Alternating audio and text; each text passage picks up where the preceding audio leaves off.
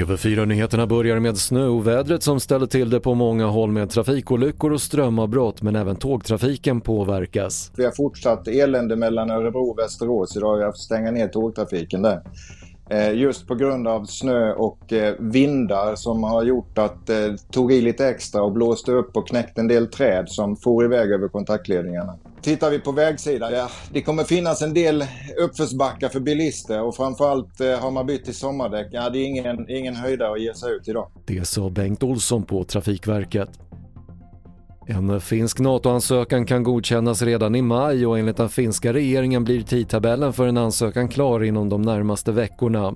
Samtidigt säger Kreml att Ryssland skulle vara tvungen att säkra sin västra gräns om Finland och Sverige går med i NATO.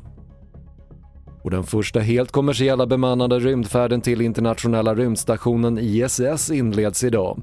De fyra besättningsmedlemmarna ska tillbringa åtta dagar på rymdstationen och uppskjutningen med en SpaceX-raket från Kennedy Space Center i Florida är planerad till ikväll svensk tid. Fler nyheter hittar du på TV4.se. Jag heter Patrik Lindström.